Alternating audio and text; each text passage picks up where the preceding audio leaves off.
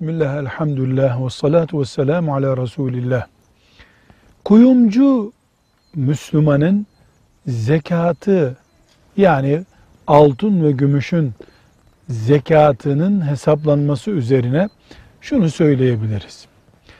Kullandığımız bir nesne büyük oranda altın dışı bir madenden oluşuyorsa mesela e, şöyle bir kalem bunun yüzde onu altın yüzde e, doksanı da başka bir madense bunun zekatını o yoğunluğu olan madenden hesaplıyoruz. Altın demeyiz buna.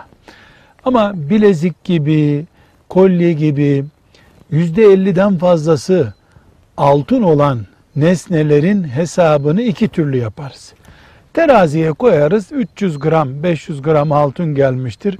Bunun toptan zekatını 500 gram altın diye verebiliriz. Burada bir sıkıntı yok.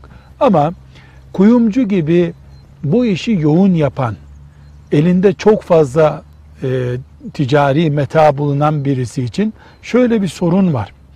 5 kilo altın bilezik mesela diyor ama bu saf altın değil. Bunun mesela 14 ayarsa e, ciddi bir oranda altın olmayan bakır karışım var burada.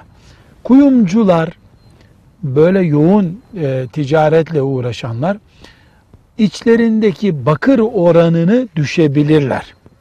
Mesela 5 kilo bilezik, işte 1,5 kilo kolye filan altın tartıyorlarsa bunların altın olmayan bölümleri mesela şu ayar 18 ayarsa şu kadar altın değil onu kuyumcu hesaplayabilir.